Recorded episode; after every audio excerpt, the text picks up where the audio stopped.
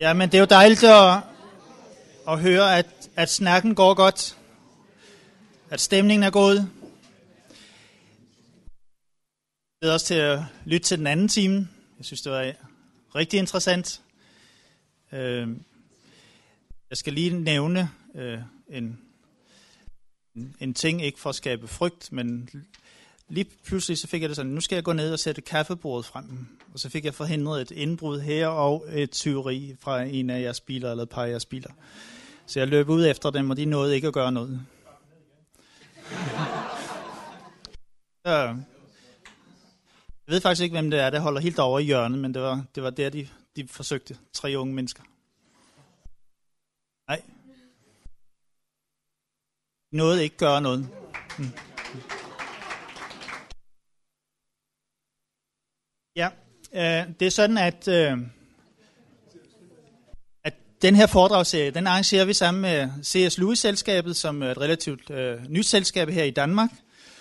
Og det er vi rigtig glade for, når vi kan lave de her foredragsserier, at vi så også kan gøre det sammen med nogen. Og der, det var i den grad oplagt øh, at gøre det sammen med C.S. Lewis-selskabet. Der er også et par, øh, i hvert fald et, mindst et par stykker med, øh, Michael og, og Jakob, øh, som øh, er med i, i ledelsen og bestyrelsen for C.S. Lewis-selskabet. Det er rigtig dejligt, at I øh, er med her.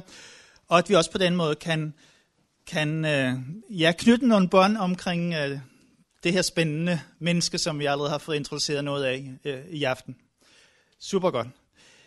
Så øh, over i, i Kongens København, der havde de set, at vi havde den her foredragsserie, og Skandinavia, de skrev, Skandinavia forlag, de skrev straks til os og sagde, at vi har nogle gode bøger, som vi vil give øh, som nogle rigtig gode tilbud til jer, altså til deltagerne.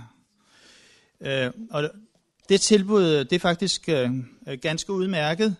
Man kan få øh, den her øh, overvældet af glæde. Det er kristendommen og fra helvedes blækhus.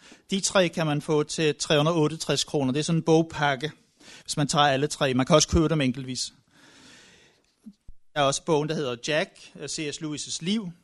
Øh, de her bøger er udgivet på dansk af Skandinavia Forlag, og de sælger dem altså til, til meget rimelige penge. Jeg lægger en liste frem.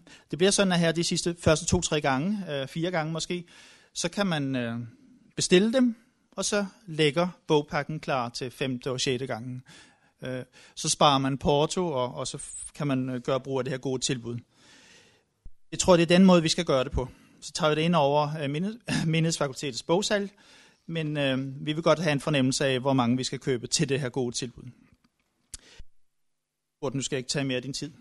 Det er jo meget vigtigt, det du står og siger.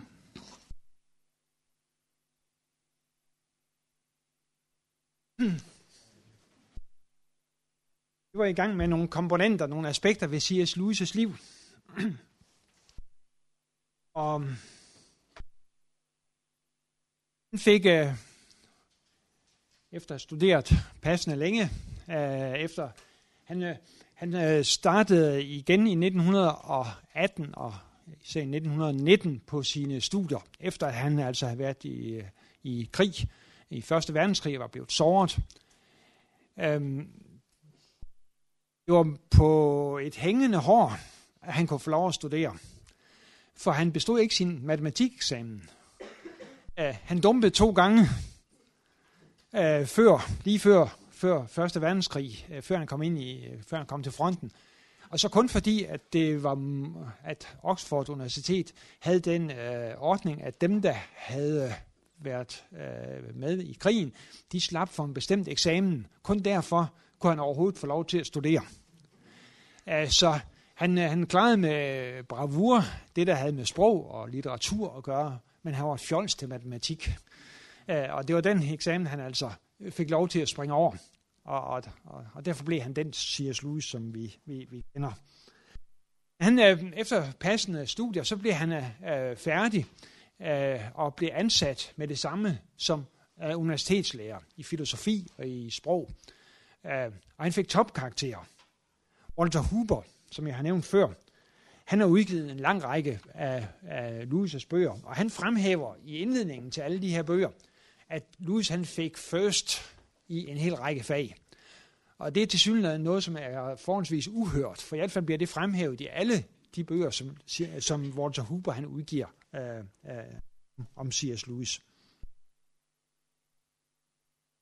Så er der nogle enkelte ting, som vi skal have med, øh, og som måske har undret nogen, der har læst om Lewis, nemlig hans, hans venskab med en miss, Mrs. Moore.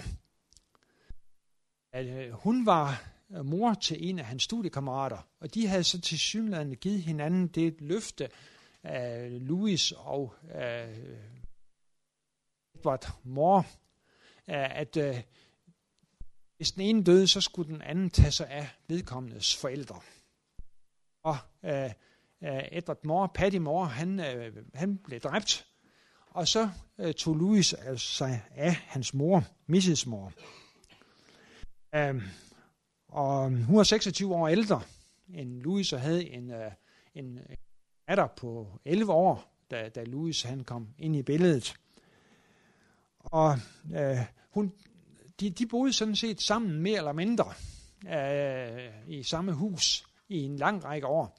Og der har været nogle spekulationer øh, om, hvad, hvordan var forholdet her. For i hvert fald visse ting kunne tyde på, at Louis i hvert fald på et tidspunkt var forelsket i den her af Mrs. Moore, som var så meget ældre. På den anden side, øh, så øh, er der alligevel ikke rigtig noget, der tyder på, at de har haft sådan et seksuelt forhold. Men øh, øh, han, var, han, var, han var afhængig af hende. Han var afhængig af at have en at være sammen med. Øh, og det var, hans mor var død, da han var ganske øh, lille, øh, før han 10 år. Og han havde, havde ikke noget rigtig godt forhold til sin, til sin far. Så, øh, og da Louis han lå og var, var såret på øh, lazaret, øh, så bad han en, øh, en, stændigt sin far om at komme og besøge ham. Det gjorde han ikke. Derimod kom Mrs. Moore. Øhm, så øh, hun, øh, hun var til synligheden et øh, fornuftigt og generøst menneske, da hun var ung, men hun blev noget af en diktator, da hun blev, blev, blev gammel. Og så får man en plage for Louis og Warren. Men øh, øh, øh de, de smed hende ikke ud af huset. Det var for øvrigt også købt i hendes navn, så det var så ikke så det med. ja, så øh, det, det, det, de, de blev, øh, hun boede øh, i Louis' hus, øh, eller hvis hus det nu var, øh, øh, indtil hun døde i 39. Så er der en, et element, som vi skal ind på, nemlig at Louis han aldrig blev professor i Oxford. Han blev det i 55 i Cambridge. Og det er der nogle øh, gissninger om, hvordan det dog kunne gå til, når han egentlig var en, en, en, en dygtig fagperson. Og der er i hvert fald to årsager, som jeg kender til. øh, måske kan man tale om tre.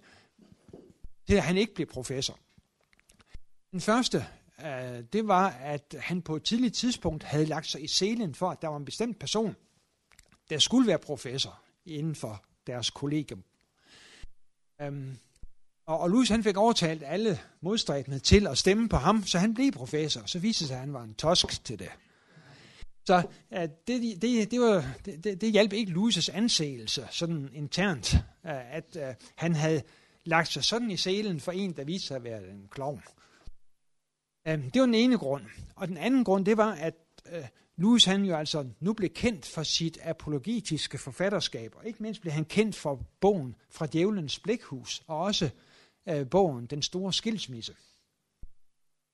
Jeg mente nogle af hans kolleger, de kunne se sig de, de, de kunne genkende sig selv. uh, i no, uh, øh, som nogle af dem, der, der røg i helvede i den store skilsmisse. Og også nogle af de mere usympatiske øh, personer i, øh, i, øh, fra helvedes blækhus. Og det var altså, hvordan da han havde den samme tendens til at, at placere nogle af sine samtidige øh, i, i helvede. Og, og det gjorde Louis altså. Det mente i hvert fald nogle af hans kolleger. Og, og, og det fremmede jo heller ikke sådan den kollegiale ånd øh, på stedet. Så, og i det hele taget så var Louis jo altså kendt mere for sit kristne forfatterskab, end han var kendt for sit fag, fagakademiske forfatterskab. Så alt det gjorde, at han øh, blev sprunget over nogle gange, hvor det egentlig havde været indlysende, eller i hvert fald nærliggende, at han kunne være blevet professor. Så fik han altså i 1954-55, der fik han så et professorat i Cambridge. De var ikke i samme grad øh, blevet afbildet i nogle af hans bøger øh, i, i Cambridge. Og der fik han altså det professorat, han formentlig har stræbt efter hele, sin akademiske, øh, hele sit akademiske liv. I efteråret 1952, så kom Joy Davidsman Gresham fra USA til Oxford. Det kan måske være et helt kapitel for sig. Vi kommer lidt ind på det øh, næste gang i forbindelse med The Problem of Pain og, og lidelsen. Øh, øh, der kommer vi tilbage til, til, til Joy. Øh, men lad os tage lidt om hende her nu. Øh, hun var af jødisk afstamning. Uh, hun var tidligere kommunist. Hun var gift um, og med en anden kommunist. Og de var så begge to på et tidspunkt efter 2. verdenskrig blevet kristne, blandt andet ved at læse, og måske primært ved at læse Louises bøger. Så i 1952, så kom hun til, hun, hun havde lyst til at træffe forfatteren til de her bøger, som havde haft så stor betydning for hende. Så hun kom til Oxford og, og træffede Louis, øh, og de blev gode venner. Da hun kom tilbage igen, og lidt senere, så fandt hun ud af, at manden han var stukket af med barnepigen.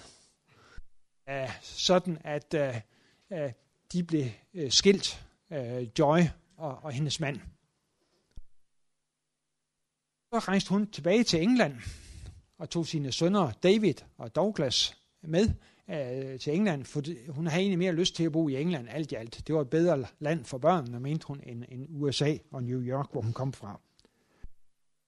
Og hun blev øh, stadigvæk gode, øh, hun var stadigvæk gode venner med Louis, og i 1956, der fik hun så at vide, at hun kunne ikke få sit op, sin opholdstilladelse fornyet.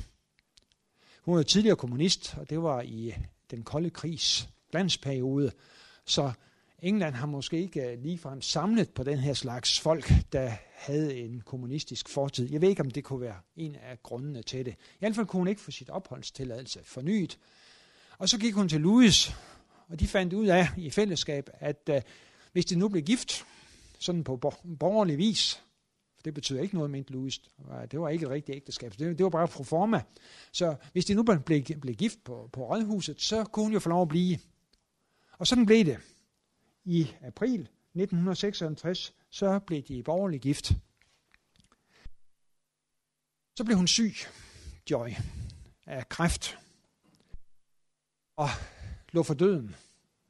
Sådan at i november 1956, der var det klart, at hun, øh, hun ville dø inden for 14 dage. Det var i hvert fald de bulletiner, de fik fra lægerne. Og hun havde overhovedet ikke lyst til at dø på hospitalet.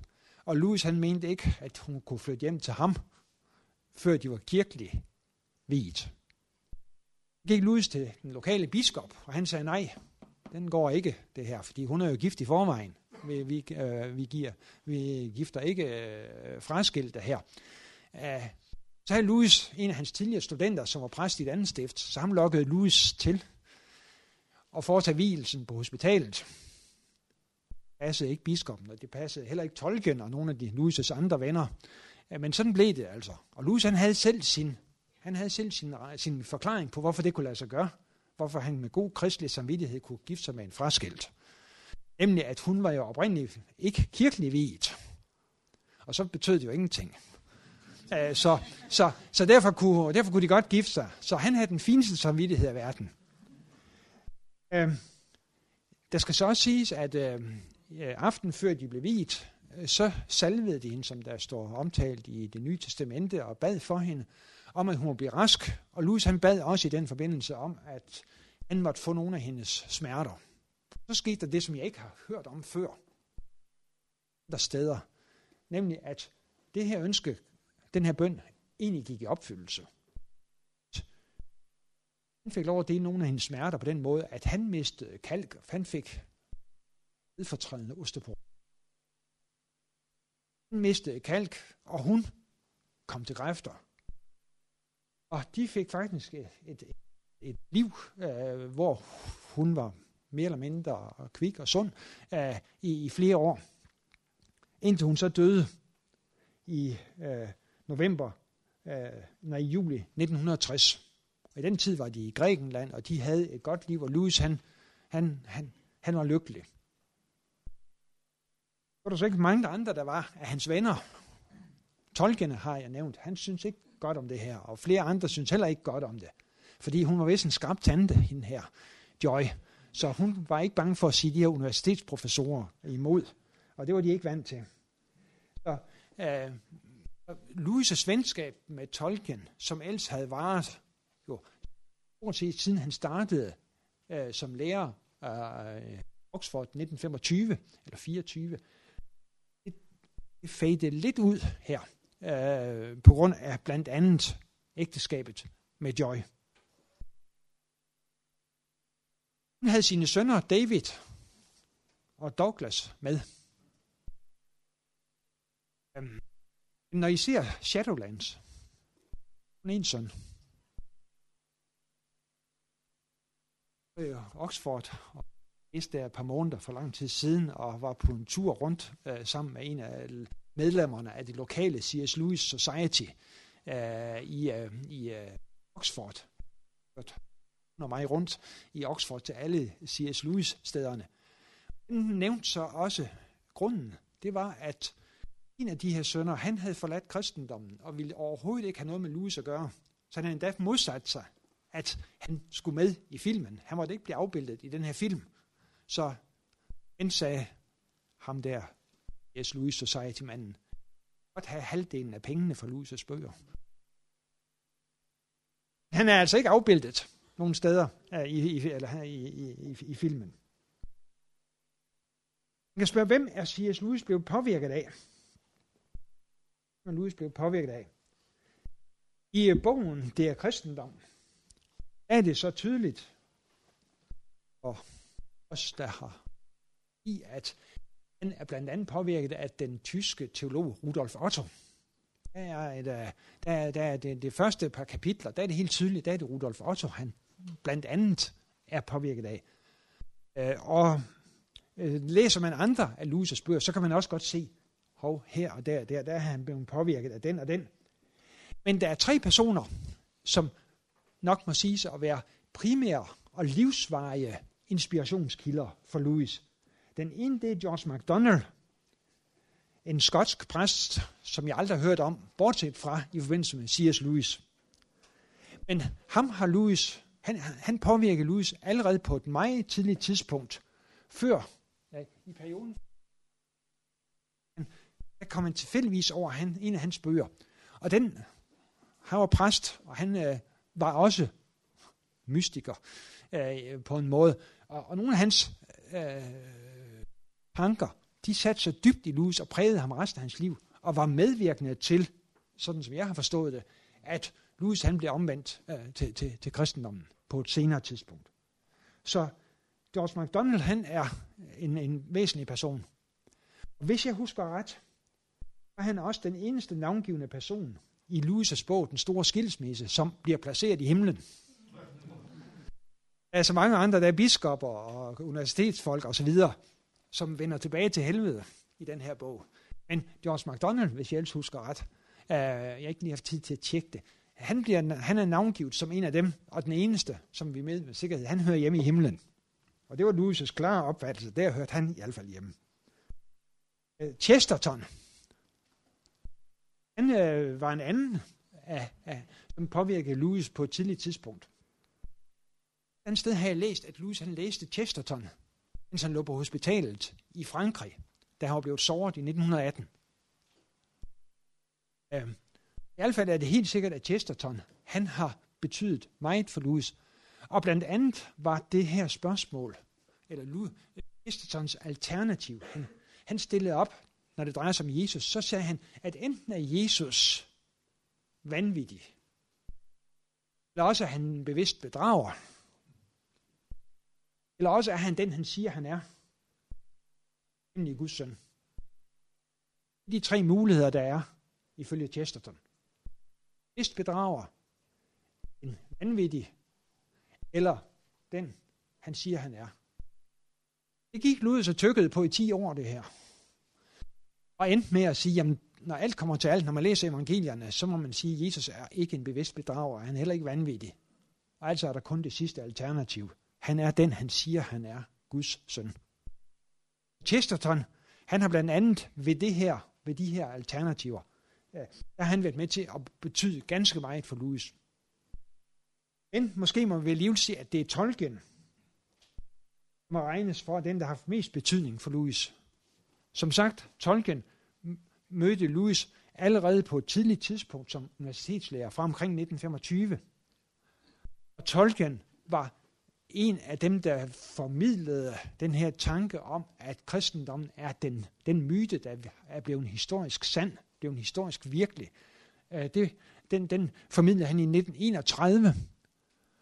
Og Tolkien var sammen med Louis to af de markante medlemmer af Inklings, de her venner, der samledes på poppen. Så Tolkien er formentlig den, der har haft mest betydning for Louis sådan livslangt. De var ikke enige, de var meget forskellige. Og Tolkien han kunne blandt andet ikke fordrage, at Louis han var så lynhurtig. Tolkien han gik og tykkede på tingene i lang tid. Hans bog, Hobbiten, og også hans bog øh, om ringene, hans bøger, Ringenes Herre, det var, det var noget, som virkelig øh, tog, tog lang tid. Jeg kom over en, en biografi om Tolkien, af, øh, af Humphrey Carpenter, og den er ganske udmærket. Og der får man et indtryk af, hvor lang tid det tager for, for tolken at, at, at, at skrive sine ting. Men da han fremlagde en idé så op øh, på, på et af deres torsdagsmøder i The Inklings, så kunne han risikere, at Louis han 14 dage efter kom med et manuskript om præcis, præcis det her, den her idé. Og det havde Tolkien altså. At Louis han var så lynhurtig til at få tingene skrevet. Jeg har siddet på The Bodleian Library i Oxford og læst originalmanuskripterne til nogle af Louis' bøger. Hvis det er sandt, at Louis han var så lynhurtig til at skrive, som, som, som, som jeg får indtrykket af, så må man samtidig sige, at Louis han har altså haft en klar hjerne, fordi der var, der, der var ingen overstregninger. Ingen overstregning. Det var skrevet med fin håndskrift. Side efter side efter side. Og ingen overstregninger, ingen kommentarer, ingen tilføjelser. Hvis det virkelig var sandt, hvad, det, hvad jeg fik talt af, af bibliotekaren, ja, så, så har Louis altså virkelig tænkt klart og skrevet klart, lige som vi andre ville gøre, når vi har, har en computer. Eller sådan, og der kan vi også ende med, at det ser fint ud. Men Louis han har gjort det uden videre.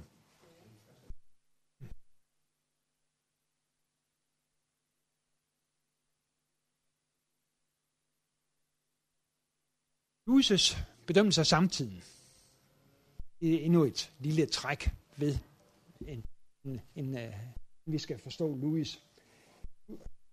Han var pessimist, når det galt samtiden. England lige så meget en missionsmark som Kina. Det var hans klare opvisning. England var, var, var afkristent, og, og, og når vi ser på tingene i vores perspektiv i dag, så virker det jo overdreven pessimistisk. Ja. Der, var, der har været kristen, genuin kristen tro og, og, og stor, stor kirkesøgning i England lige op til vores tid. Hvis man siger det i dag, så kan det måske være sandt. Uh, men, men øh, i 1930 og 40'erne, 50'erne, øh, der virker det helt øh, ude af proportioner. Men han siger så mere generelt, at verden, verden, den er øh, okkuperet af en fjende. Det er en af hans billeder. Verden er okkuperet af, af en fjende. Mens den sande hersker, den rette konge, er landet i forklædning. Det er så Jesus, der er kommet i forklædning. Og nu er vi så kaldet som kristne til sabotagevirksomhed. Det skrev han under 2. verdenskrig. Så det var jo det, var, det, var det billede, som, som var, var nærliggende øh, på, på den tid. Men øh, generelt øh, var Louis, havde han et pessimistisk samfundssyn og kultursyn. Verden var at lave. Det var hans, øh, var hans grundlæggende opfattelse. Og blandt andet manglede der syndsbevidsthed. Derfor siger han også i bogen, øh, øh, om bogen, det er kristendom som noget af det første, at det vi må bibringe mennesker, for, vi overhovedet, for evangeliet overhovedet kan give mening, det er først og fremmest syndsbevidsthed. uden syndsbevidsthed, så bliver talen om evangeliets syndernes forladelse meningsløs. Dette, at verden er uden syndsbevidsthed, det er det grundlæggende problem, ifølge Louis. Guds forfatterskab. Det er vanskeligt at strukturere det, synes jeg. Øh, der er øh, mange forskellige facetter. En anden udgav Louis så tidligt som i 1919 en bog, Spirits in Bondage, altså bundne ånder, eller, eller ånder i bånd. Øh, en lille samling lyriske digte, som var skrevet, mens han var 15, 16, 17 år, og de blev alligevel udgivet på et anerkendt forlag og fik gode anmeldelser. Men ikke så gode, som han havde håbet på, så han opgav at blive øh, sådan øh, poetisk digter. Øh. Når vi så ellers ser på hans forfatterskab, så mener jeg, at man kan tale om tre grundlæggende kategorier. Hans faglige akademiske forfatterskab, som, som foregår løbende. Øhm, der er nogle ting, som, som øh, væk, så vidt jeg har forstået, bliver anerkendt og læst. Men det får vi mere at vide om, når Hans Hauge kommer den sidste øh, aften her. Så vil han givetvis øh, forklare os øh, indgående om, om det. Så det hopper jeg lidt over. Øh, men det foregik sådan løbende igennem Louises liv. Så er der hans eventyrforfatterskab. Og det kan man tale om, at det ligger i to perioder –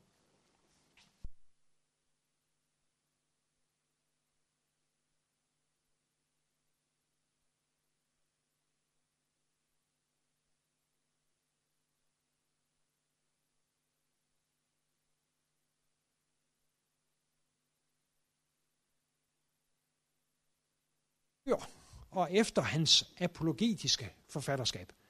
Uanset alle Louis' apologetiske bøger, de er skrevet i 40'erne. Uh,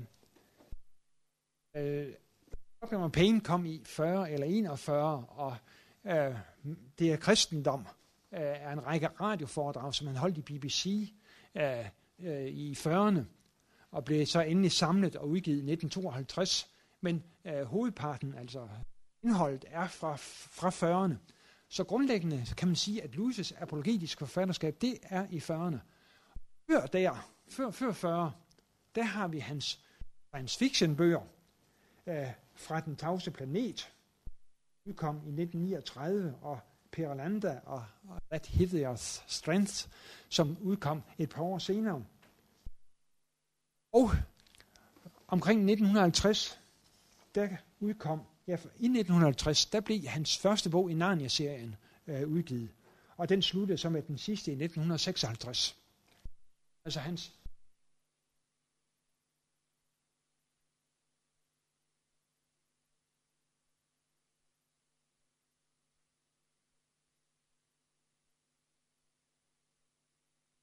i, i 40'erne.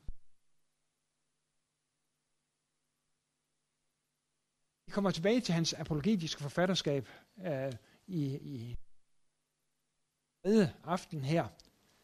Men samtidig vil jeg også sige,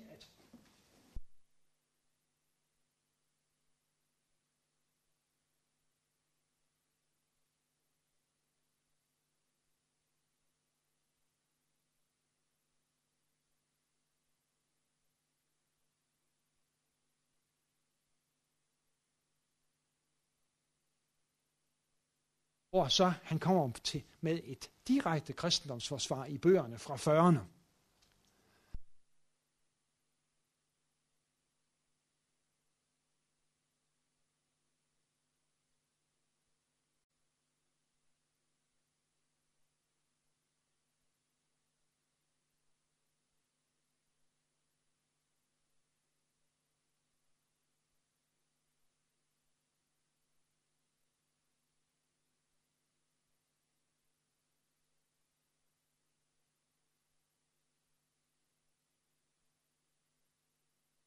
Opdager, der faktisk rummer kristen, der er faktisk rummer kristen tankegang, som man accepterer. Ja. Uh, og så bagefter, når man møder genuin kristen forkyndelse, så uh, er det tankegang, som man allerede som barn har accepteret som helt selvfølgelig. Og derfor er der et, et tilknytningspunkt. Det, der tolker, fortolker af, af Gud, der siger, at det var sådan, han gjorde, og det var, det, det var hensigten. Gud selv, han siger, at han ikke er ude på at snyde folk. Han ikke bedrage dem ind i kristendommen. Og han er lidt forsigtig med det her. Men det kommer vi tilbage til lidt senere. Men det, det er sådan set en, øh, en, en blandt øh, Louis forskere, øh, hvordan vi skal forstå hans Narnia-bøger. Nyder han faktisk på vægten ved at afveje øh, snige kristne tanker ind i folk, eller er det, er det ikke hans hensigt? Øh, så siger han, at han er bare en kristen forfatter.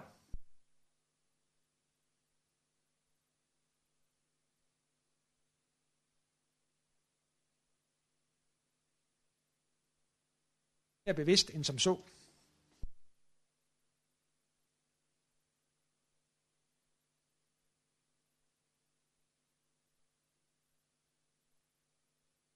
Til øh, lidt samtale også. Og jeg vil uh, følgende punkter, mange punkter over, øh, og gå ned til Guds kærlighed og lidelsens problem. Det er optagt til til, til, næste, øh, til næste mandag.